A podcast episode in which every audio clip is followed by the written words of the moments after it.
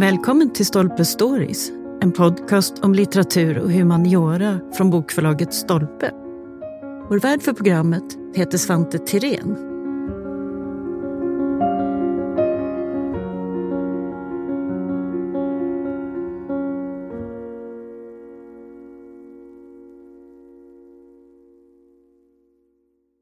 Boken Diplomati av Henry Kissinger är ett översiktsverk av de internationella relationernas historia. Här går han igenom århundraden av maktspel som format världen, från den westfaliska freden ända fram till 1900-talet. Med över 900 sidor så är det en mastig bok, men den är full av insikter och erfarenheter som kopplar ihop dåtid och nutid. David Andersson, som själv har skrivit en bok om Kissinger, gästar idag podden och förklarar mer om Kissinger och hans syn på det här med diplomati. Så välkommen hit David! Tack så mycket! Du är ju författare, du är redaktör på Access och du skrev just en bok om Henry Kissinger för några år sedan. Vad var det som fick dig att bli intresserad av honom? Nej, jag tror det började med att jag var lite intresserad av sovjetiska dissidenterna också märkte jag till min överraskning att de hade en ganska negativ bild. Att det fanns liksom en konflikt med Kissinger. Att Solzhenitsyn hade varit i Washington 1975 och Gerald Ford ville inte träffa honom då på inrådan av Kissinger. Så att den här motsättningen var lite förvånande för att jag var uppvuxen under 80-talet när Ronald Reagan som republikan var väldigt tydlig antisovjetisk och så. så alltså jag började spinna lite på det där och så Ja, för han är ju en väldigt omstridd figur får man ju säga. Mm. Det finns ju de som tycker att han är en enormt banbrytande positiv kraft här i världshistorien och även de som tycker att det är motsatsen. Är det den här anspänningen helt enkelt som fick dig intresserad? Jo, nej, men han är otroligt intressant. Alltså, både för att det är en intressant epok då han då är säkerhetsrådgivare först och sen utrikesminister 69 till 77. Och sen så skrev han då böcker om 1800-talshistoria som jag inte kunde så mycket av. Det var väldigt intressant. Och sen är han ju då flykting från Tyskland. Det kan vi återkomma till, så att han är väldigt intressant levnadsöde och sådär. Och sen var det också så att det var en intressant 90-talsdiskussion efter kommunismens fall som han deltog i som, så där, som var intressant. Så det var väldigt mycket olika bitar som jag tyckte var spännande. Ja, just det. Både före och efter sin tid som politiker så är han viktig på olika sätt, eller hur? För att forma mm. samtalen om det här. Ja, precis. Men vi kan väl börja i hans livshistoria. Han föds alltså 1923 och hans tidiga år de formas ju av förstås Nazityskland och alla de fasorna där. Vad är det för bakgrund han har? Jo, precis. Han föds då i Fürth som är en liten stad som har vissa judiska traditioner men som ligger bredvid Nürnberg då, som är nazisternas stad. Och 1923 när han föds, det är då ölkällarkuppen, Hitler försöker ta makten. Och det är hyperinflation så att alla familjen Kissingers besparingar raderas ut. Och det är ju likadant för många andra så att det är väldigt tumult i Tyskland 1923. Och det är en judisk familj han växer upp i också. Och i, som tonåring, då, 15 år gammal är det va, då, då flyr familjen först till London och så hamnar de i USA. Ja precis, det är ju bara alltså, ett par månader eller så innan kristallnatten. Så att de, då känner de att de inte kan vara kvar längre. Så, det, så, att de kom, och så kom de till USA. Kissinger, hans föräldrar och hans lillebror. Han har en lillebror som heter Walter eller Walter. Själv heter han då Heinz från början, men han amerikaniserade till Henry. Och Henry Kissinger lär sig aldrig tala engelska utan brytning, men hans lillebror gör det för att det är den här 14-15 år, där går väl gränsen för när man kan lära sig det utan Ja just det, han har en väldigt eh, lättigenkännlig eh, dialekt kan man säga, Henry Kissinger. Mm. När han, och det är ju väldigt, liksom en del av hans säga, bilden av Kissinger, imagen, den här tyska brytningen också. Mm. Väl i USA då så blir han ju toppakademiker. Han pluggar på Harvard, han blir en väldigt framstående historiker, han är oerhört produktiv. Men så småningom så hamnar han då i världspolitik. Hur går den där övergången från toppakademiker till att bli säkerhetsrådgivare till? Ja, han börjar ju då alltså med att skriva om Wienkongressen, alltså 1815 och 1800-talets stormaktsdiplomati. Och det tycker vissa är lite konstigt att det är inte så aktuellt då när, på 50-talet.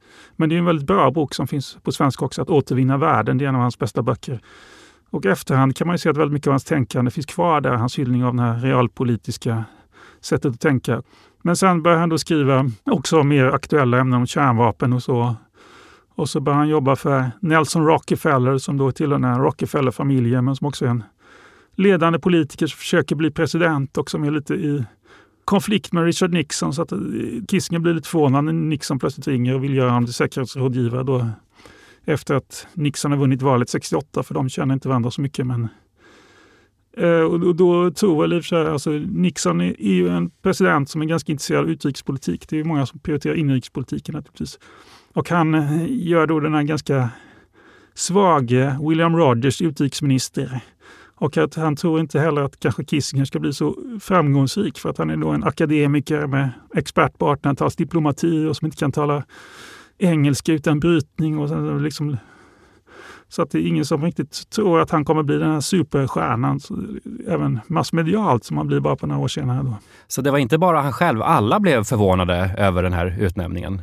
Ja, det tror jag man kan. Alltså den, det han har beskrivit i sina memoarer, han sitter på ett möte hos Rockefeller och det ringer och alla tror att Rockefeller kommer få en erbjudande nu, så är det Kissinger istället som får det. Om vi försöker placera honom lite då politiskt. Det är klart att historiska perspektivet, det bär han ju med sig ända till idag så att säga. Det är någonting han, han aldrig släpper. Men det man brukar nämna när man pratar om Kissinger, det är det här med realpolitik så att säga. Kan du bena ut lite, vad är det för någonting? Ja, precis. Det, det kan man säga nyckelbegreppet när man realpolitik eller realism då. Och det är ju en tradition då inom internationella relationer. Det finns en person som heter Hans Morgenthau, som är kanske den som ofta nämns i det sammanhanget. Så han har en del likhet med Kissinger. Båda två är tyska judar som flyr till USA. Morgenthau är ungefär nästan 20 år äldre, så att han började då han ge ut en bok som heter Politics Among Nations.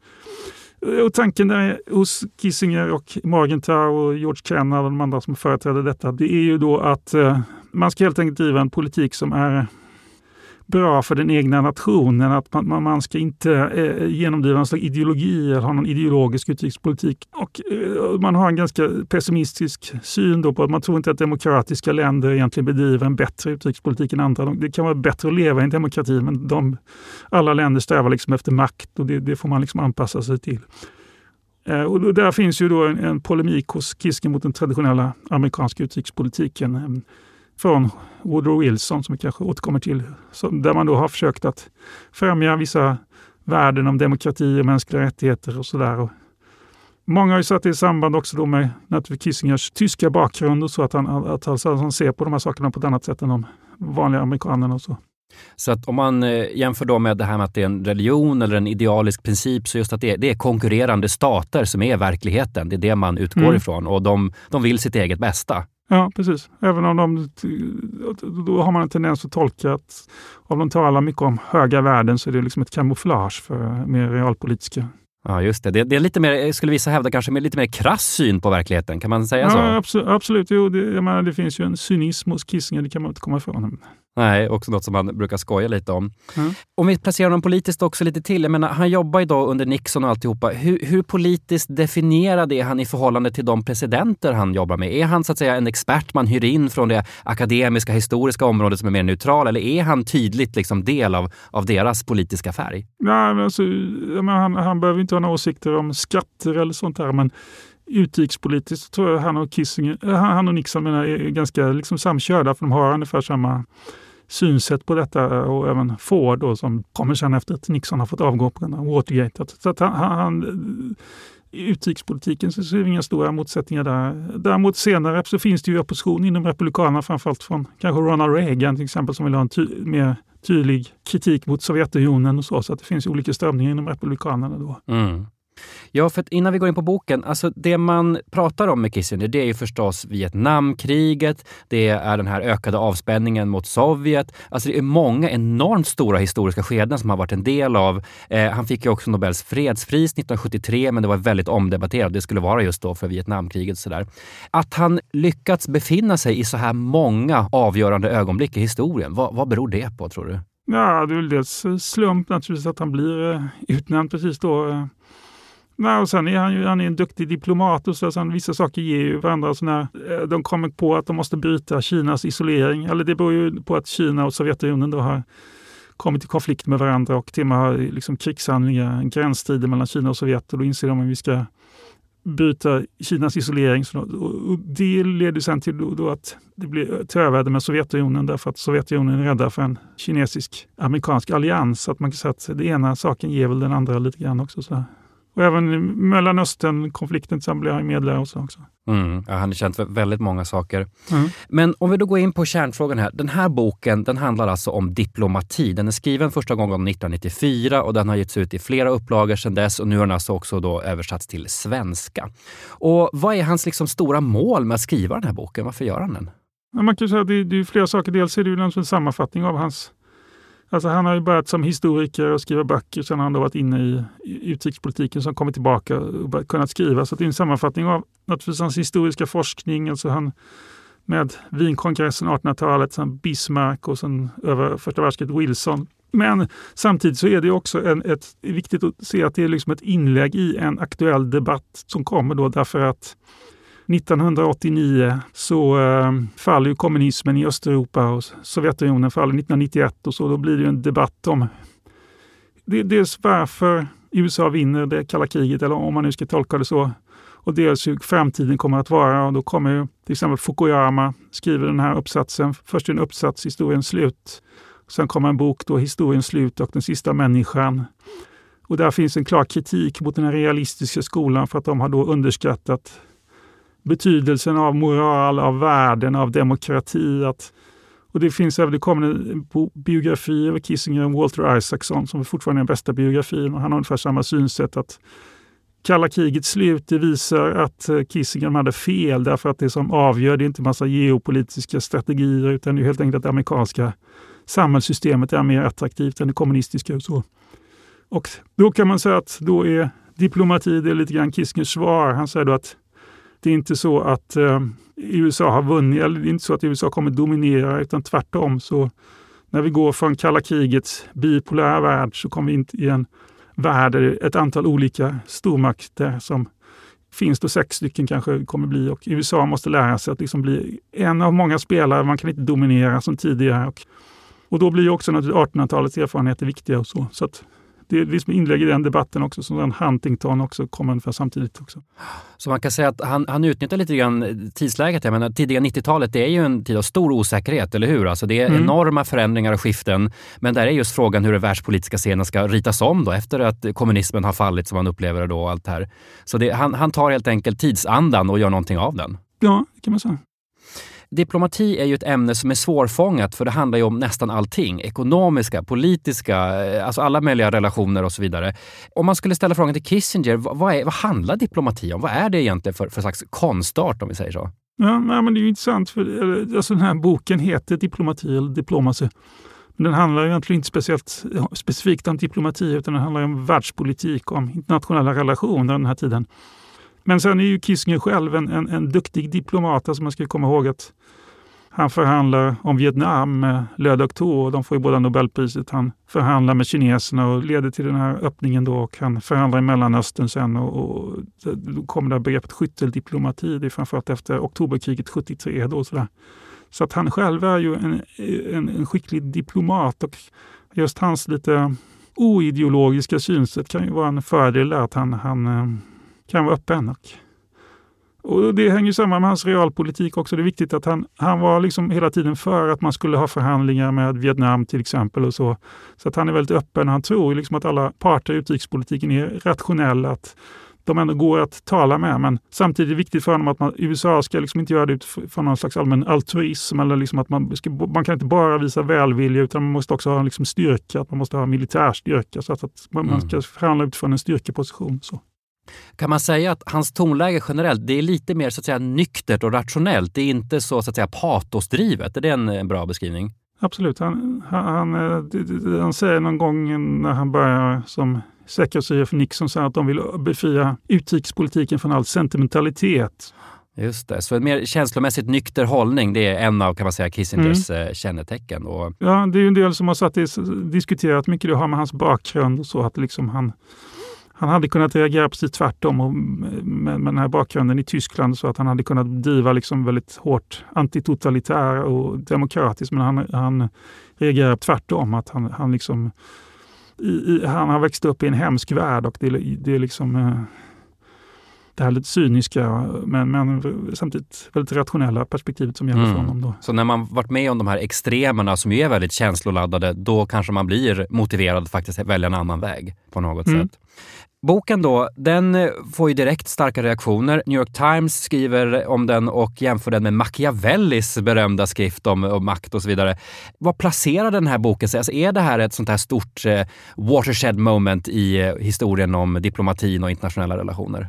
Ja, jag vet inte, Machiavelli, jag vet inte, läser man 500 år senare, jag vet inte om man kommer göra det med Kissinger, men, men, men det är en väldigt bra bok som även om man inte delar hans eh, hans åsikter alltid så är det en väldigt läsvärd och lärorik bok. Och det, eh, jämförelsen med Machiavelli är ju naturlig just för att de har båda det här realpolitiska perspektivet. Och han diskuterar Machiavelli lite grann i samband med Richelieu också. Så Richelieu är den första kanske under 1600-talet som liksom driver en politik som handlar om att sätta statens intresse i första hand. Och då, då menar man kan kalla det för cyniskt, men de, de, har liksom gjort det bästa utifrån hur världen verkligen ser ut, menar Kissinger då. Ja, för boken börjar ju då i just 1600-talet. Han tar upp Westfaliska freden, han tar upp Richelieu som du sa och överhuvudtaget det här med nationsstatens på något sätt födelse. Här i Sverige tänker vi kanske på Axel Oxenstierna och liknande. Varför är det just 1600-talet som är en bra startpunkt i den här berättelsen? Jo, nej, men det, det, alltså, det pågår krig då i 30 och 30-åriga kriget från 1618 till 48 som då är ett religionskrig mellan katoliker och protestanter. Katolikerna vill liksom ha, de anser att deras religion är universell. De vill att den ska dominera.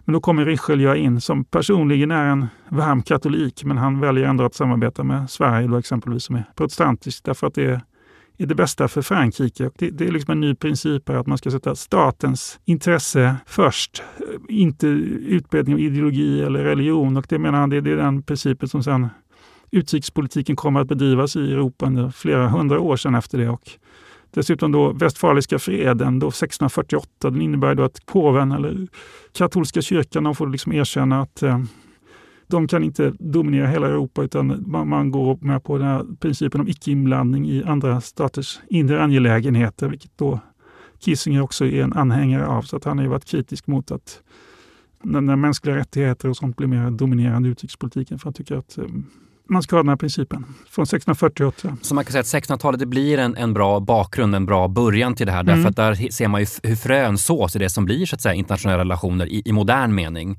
Mm.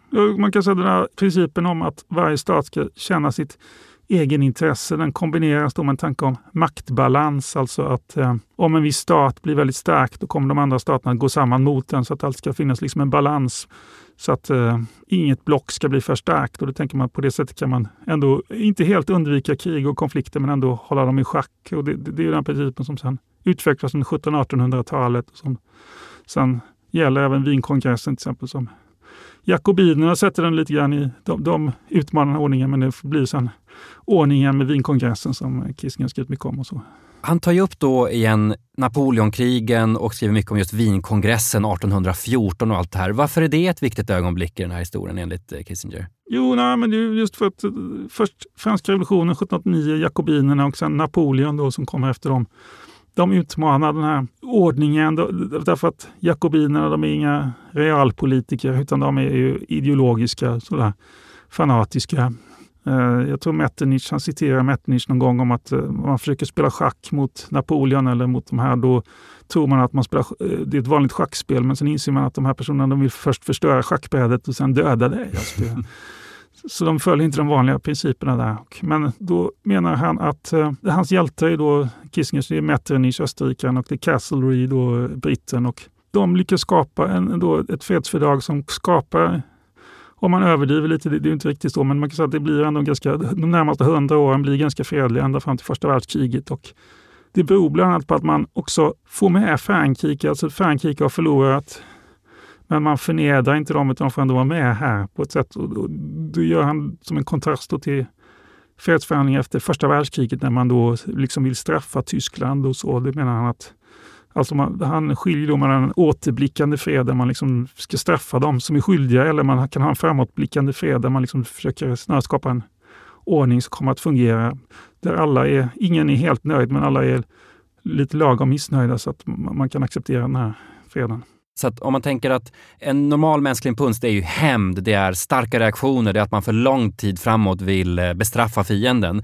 Men Kissinger menar ju att det här kommer aldrig hålla. Det är aldrig en långsiktigt hållbar lösning för fred att ha ett sånt så att säga, känsloanslag inbyggt i en fredsförhandling. Nej, och det, det är klart att det, det, det har formats av hur man såg hur det blev i Tyskland. Och han, han föddes ju några år efter Versaillesfreden och den här tyska revanschismen som växte, upp och, som växte fram då efter första världskriget. Och så. så därför tycker han att eh, Wienkongressen var mycket bättre. Mm. Och därför också förstås relevant att studera än idag. Vi gör stora tidshopp här, precis som han gör för övrigt, då, till just 1900-talet och världskrigen. Och som du sa David, alltså, han menar ju att Wienkongressen 1814 det är ett bra exempel på hur man hittar en lösning på sådana här svåra internationella konflikter och tar det steg för steg och hittar lösningar där man så att säga inte bestraffar varandra mer än nödvändigt utan hittar en med, med ett, ett samförstånd och så. Vad är hans tolkning då till att 1900-talet går så fel? Är det bara det här med att det finns en mer hämndlysten inställning eller vad har han fler för förklaringar till att det blir så fruktansvärt mörkt under 1900-talet? Jo, nej, men det är man kan om man, Bismarck är ju en av hans hjältar och han lyckas ju då ena Tyskland. Men, och det kan ju vara provocerande, men det kräver då en väldigt finkänslighet som Bismarck har. Men sen så blir Bismarck i konflikt med kejsaren och får sluta och kejsaren, kejsar Wilhelm, han har inte alls den här finkänsligheten så att han lyckas eh, ena Storbritannien och eh, Frankrike och Ryssland motsökte liksom situationen 1914 med skotten i Sarajevo. Och det kan man ju säga blir liksom slutet på den ordningen. Och, så. och det blir också då USAs inträde i världspolitiken genom att Wilson går in 1917 och med motiveringen att demokratin i världen ska segra. Så det är ett helt annat sätt att resonera än vad europeiska länder har. Och och han vill ju då starta Nationernas förbund också, men han lyckas inte sälja in det så att USA blir på hemmaplan, då, så att USA blir inte medlemmar där. Men, så att det blir en väldigt kaotisk situation efter freden 1919 och så. Just det, för det är ett annat viktigt tema här i texten. Det är ju att USAs roll som någon slags håller ordning på världen, allas räddare och så vidare. Det var en roll som USA inte hade från början, men tog på sig undan för undan då, under 1900-talet och som ju Kissinger har en hel del att säga om. Och det börjar alltså med president Woodrow Wilson som liksom på något sätt grundlägger mm. den här eh, inställningen. Vad är Kissingers huvudsakliga åsikt om det här? Vad tycker han om USA som eh, världsherre? Ja, han är ju kritisk. Han menar ju då, alltså Wilson han är ju förhandlad länge i, han är ju då i Frankrike och i Paris och förhandlar och tappar kontakten med hemmaopinionen så att han blir ju inte omedelbart framgångsrik i USA. Kommer inte med i Nationernas förbund och USA blir isolationistisk under 20-talet. Men sen i och med andra världskriget så kommer man med och sen under hela efterkrigstiden så blir man dominerande. Så att Kissinger menar då att man kan säga att alla, nästan alla amerikanska presidenter är Wilsonianer. Som man säger då. Och det gäller både då republikaner som Ronald Reagan eller demokrater som eh, Jimmy Carter eller Roosevelt eller Kennedy eller Jimmy äh, Bill Clinton och så. Och det gäller ju liksom de neokonservativa som sen, de, de är inte aktuella riktigt här nu, men de kommer ju sen lite senare med Irakkriget. Så det är ju typisk wilsonianism enligt Kissingers sätt att se. Och han menar ju att det är problematiskt för att bland annat så är det obegripligt för många andra länder och det det, det, det avviker från den typen av realpolitik som han vill ha. Mm. Och som också, om jag förstår honom rätt, då, utgår lite mer från landets, alltså olika länders respektive förutsättningar. Alltså man kan inte pressa på demokratiska system på kulturer och sammanhang som faktiskt inte har så att säga, fått tid att vänja sig vid dem och så vidare. Det är väl en av hans, eh, hans åsikter. Mm, ja, precis. Och det kan man ju se. Det gick ju lite snett för USA. I Irak till exempel då då var det en del som tyckte, när man gick in där 2003 och hoppades på att det skulle demokratiseras och så, då, då var det en del som sa att, till och med Walter Isaacson som har skrivit en kritisk biografi 1992 och sen när den kom i en nyupplaga 2005 så sa han nu får vi kanske ha lite mer av Kissinger för att nu har det blivit för mycket av ideologi och neokonservatism och så. Sen gjorde Kissinger själv misstaget att han stödde Irak-invasionen för att han, han, han ville ju gärna liksom befinna sig i maktens närhet. Han ville gärna samarbeta med Bush och så, så att han kunde inte gå ut och säga vad var det jag sa där. Men det, det är ändå en del som menar att eh, Irak, misslyckade Irak-invasionen var ett stöd för den typen av realistisk politik. Att det går inte att eh, man får inte vara för ideologidriven och utopisk i sin utrikespolitik och det går inte att införa demokrati sådär, genom invasioner och så. När man läser den här boken så är det ju väldigt spännande. Det är stora historiska skeden. Han kopplar ihop eh, samtid och, och, och dåtid och alltihopa. Men det är också lätt att tappa bort sig. Har Kissinger alltid en tydlig linje kring hans tankar eller kan man säga att han är en mer eklektisk person när det kommer till att förstå det här med internationella relationer? Man kan säga både och. Alltså, å ena sidan så kan man säga att han har ju ganska man, man kan kritisera Kissinger även Morgenthau, för de är ganska liksom reduktionistiska, att de har ganska enkla tankar, att de tror liksom att det alltid handlar om intressen och alla strävar efter makt och så. så det är en ganska enkel eh, princip som liksom gäller alltid och sådär. Eh, men sen kan man ju säga att Kissinger, han är ju, han är ju ingen som definierar begrepp och så. Han talar om realpolitik och sen kom plötsligt ordet geopolitik in någonstans i boken och, utan att han berättar vad det är för någonting. Och vad, vad är ett lands intressen kan man egentligen diskutera. Det är ju ingenting som han egentligen utvecklar och så, utan han tar det för givet att man ska förstå det. Och. Just det, så han är ingen petimeter sådär, akademiker som går in i den typen av detaljer? Nej, alltså han är ju mer egentligen kanske, alltså han, han är ju statsvetare för mig, men han är ju mer, alltså hans sätt att argumentera är ju mer liksom att berätta en, alltså att berätta om historia och så. Alltså det, det är ju inte så att han går in och, och analyserar mer, utan han är mer kanske en epiker, eller ska säga på det sättet att han argumenterar genom att, att berätta världshistorien liksom utifrån sin synvinkel. Så. Ja, för det är ju någonting som han fick kritik för det också, att när man gör sådana här stora tidshopp som han gör, då blir det ju generaliseringar och, och de som menar att ja, men, han beskriver inte på ett korrekt sätt, det var mycket mer komplext, olika historiska skeden. Men hans svar på det är väl just att som exempel så får man göra så ungefär, eller? Jo, nej, men det är klart att det, det är många akademiker som behandlar väldigt eh, små områden, så man får ju också vara lite vara tacksam mot de som försöker göra lite större synteser och sådär. Mm. Han tar ju också upp sig själv och sin, sina egna erfarenheter i den här boken. Ehm, och det är ju ganska spännande just när man kommer in i det där. Hur kommenterar han det han själv varit med om och upplevt? Ja, det handlar inte om någon slags liksom, självkritik. Alltså, jag menar, det är mycket av det som är väldigt kontroversiellt. Alltså, som vi sa, vi varit inne på lite grann. I Vietnam naturligtvis är det som är mest känt i Sverige. Nu kan man ju säga att de ändå avvecklade Vietnamkriget, men det var, tog flera år och de gick in i Kambodja och sådär. Och sen hela den här relationen med Sovjetunionen, att de inte gjorde mer för de sovjetiska judarna till exempel, som då många ville emigrera och fick inte det och det gjorde att eh, Henry Jackson som var demokratisk senator ville ha mycket tuffare politik mot Sovjetunionen. Han genomdrev sanktioner som Kissinger och Nixon motsatte sig och så. Och man kan diskutera Kina-politiken naturligtvis, och så här, men det är inte så mycket av liksom revidering där utan det är mer att försvara och det är klart att Nixon är en väldigt kontroversiell person. Det beror mest på kanske inrikespolitik och Watergate-skandalen och så, men han, han ger ju en ändå en övervägande positiv bild av Nixon och det har han fortsatt ge även i sina memoarer. Även i den här boken som kom ganska nyligen som heter Leadership, där Nixon är en av de här sex ledarna som han analyserar. Han försöker visa på hans positiva sidor. Och så så det, det är ingen skönmålning direkt, men, men det finns absolut eh, tillfällen där han liksom försvarar sig själv lite grann i det här? Jo, jag menar, det är mycket debatt. Eller man kan säga till exempel, de går in i Kambodja och några år efter detta så genomförs den här fruktansvärda massakern, eller folkmordet av Pol Pot. Och då kan ju Kissinger säga att det här visar att det var rätt att försöka bekämpa kommunismen i Kambodja när man ser vad de gjorde. Medan hans kritiker hävdade att det snarare var så att de fick lättare att ta makten, kommunisterna, efter, på grund av vad USA hade gjort. och så där. Den, den debatten fortsätter ju. Men... Mm. Han skriver ju också här, apropå sin, sin egen roll, det här med att intellektuella, deras roll är att analysera de internationella systemen. De sitter liksom vid sidan av. Men det är politikerna och statsmännen som han skriver och det är de som bygger dem. Olika roller här. Vad, vad menar han med ett sånt där citat? Nej, det är ju lite intressant att han säger det för att eh, nej, men det är klart att han har påpekat till exempel att om man, om man är utrikesminister eller president eller något sånt så kan man inte sitta och läsa en massa tjocka böcker om Wienkongressen och sånt. Det är ju intressant att han säger detta för att han själv är ju ovanlig genom att han är båda och. Där. Att han, han är väl de få som både är så framstående historiker och eh, analytiker och eh, samtidigt har varit både kunnat analysera världspolitiken med, med, med, de här långa historiska perspektiven och samtidigt själva har påverkat den så hög grad. Det finns väl inte så många exempel på det. Nej. Om bara några veckor så fyller han 100 år och jag vet inte exakt hur aktiv han är nu, men åtminstone förra året så gjorde han ju offentliga framträdanden. Sådär. Vilken roll har Kissinger idag skulle man kunna säga? Ja, han är ju fortfarande, alltså, han, han, har uttalat sig till exempel om Ukraina på ett sätt som har blivit då debatterat och han har försökt att eh, förtydliga sig och sådär.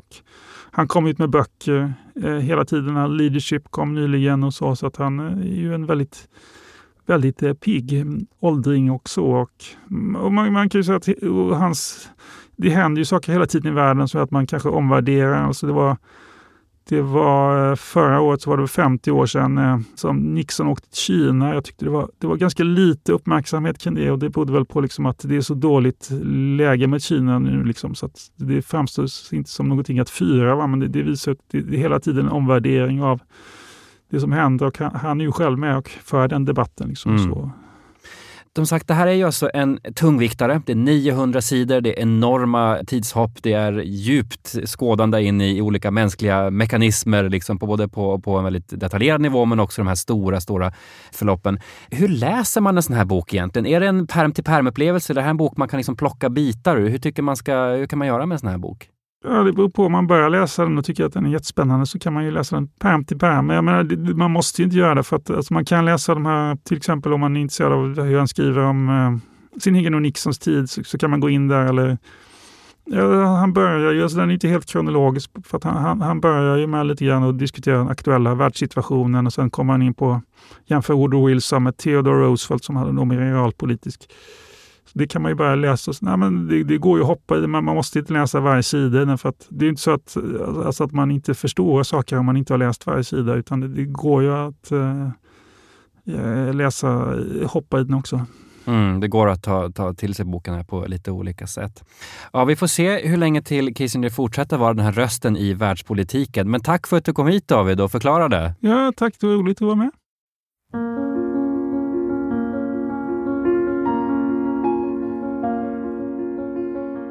Tack för att du har lyssnat på Stolpe Stories. Missa inte att du som lyssnar har 20% rabatt på bokförlaget Stolpes titlar hos Bokus.com. Aktivera rabatten genom att ange koden STOLPE20. Och för att lyssna på fler avsnitt, följ oss där poddar finns och på sociala medier.